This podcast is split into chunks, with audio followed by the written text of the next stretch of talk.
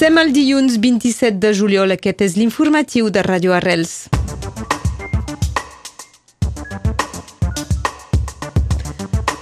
Avui té lloc una assemblea important a l'aglomeració en la qual es tractarà del pressupost. Acaben de morir d'una banda l'historiador Jaume Lledó i de l'altra el considerat pare de la nova cançó Lluís Serraïma. Una màscara portuguesa seria eficaç al 99% contra el coronavirus, fins i tot després de 50 rentades.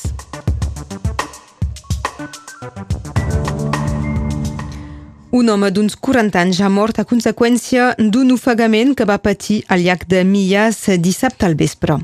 Aquest dilluns hi ha una sessió important de la comunitat urbana Perpinyà Mediterrani Metrópoli en la qual s'ha de tractar del pressupost. El nou president i baia de Sant Esteve, Robert Vila, haurà de confirmar la seva majoria per fer aprovar un pla de reiança de l'economia.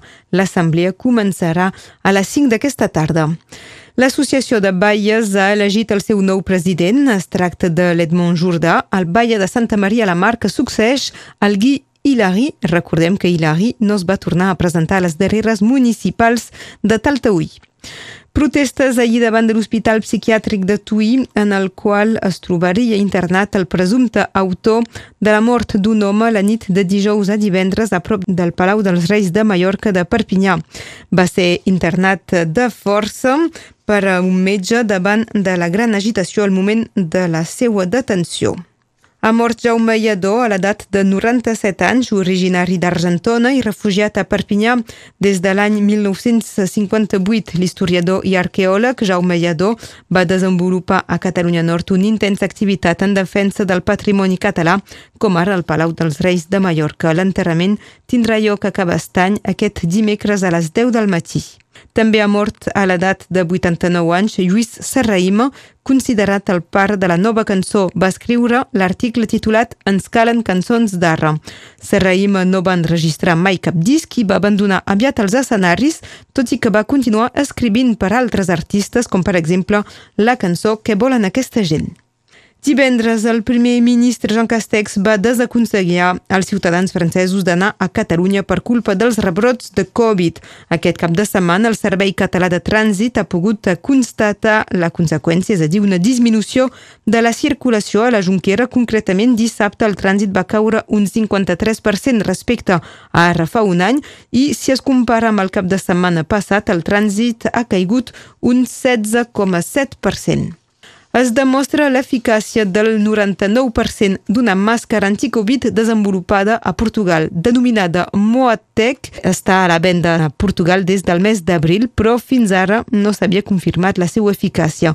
Compta amb un revestiment que neutralitza el virus gràcies a un teixit tècnic amb diverses capes, impermeable i reutilitzable.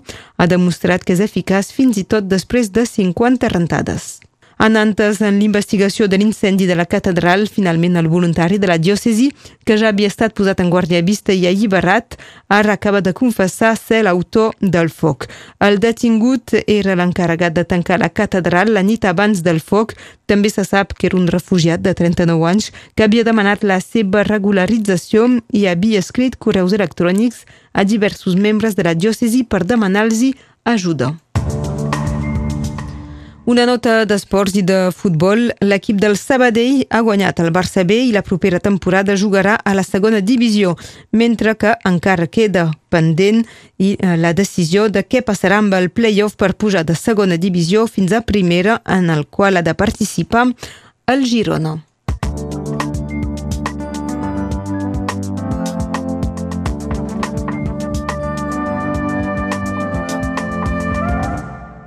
Passem a la previsió del temps amb l'Enric Balaguer.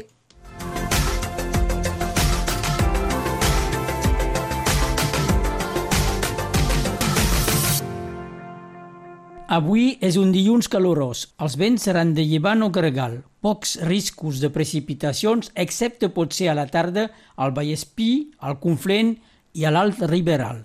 Però res de molt important.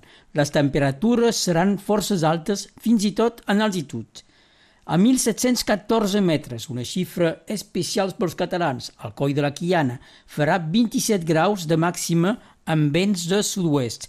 31 a la Guingueta, 35 a Fontpedrosa i Cornellà de Conflent, 33 a Nefiac, Maurí i Llúpia, al mercat de Ribes Altes tindreu 29 graus a les 11 del matí i pujarà fins a 31 durant la tarda. 28 a Torrelles, platja, refrescat pels vents marins, l'aigua serà a 21 graus. On farà més calor és al cor del Vallespí.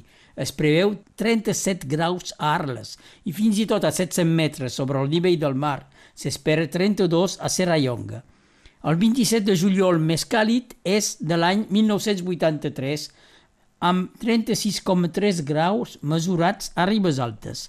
Segons la lluna, és un dia d'arrels si heu sembrat a la primavera porros, ràbecs, naps, cebes o ais, és el moment de collir. El 27 de juliol de 1276 mor Jaume I el Conqueridor, rei de València, Mallorca i Aragó i comte de Barcelona. Una efemerina estrany. El 1977 l'estat espanyol ratifica el Pacte Internacional dels Drets Civils i Polítics que en el seu article 1 proclama tots els pobles tenen dret a l'autodeterminació. Al 1990, Citroën deixa de produir la famosa dos cavalls. Avui és Sant Pantaleó. No sé si podreu en felicitar gaire.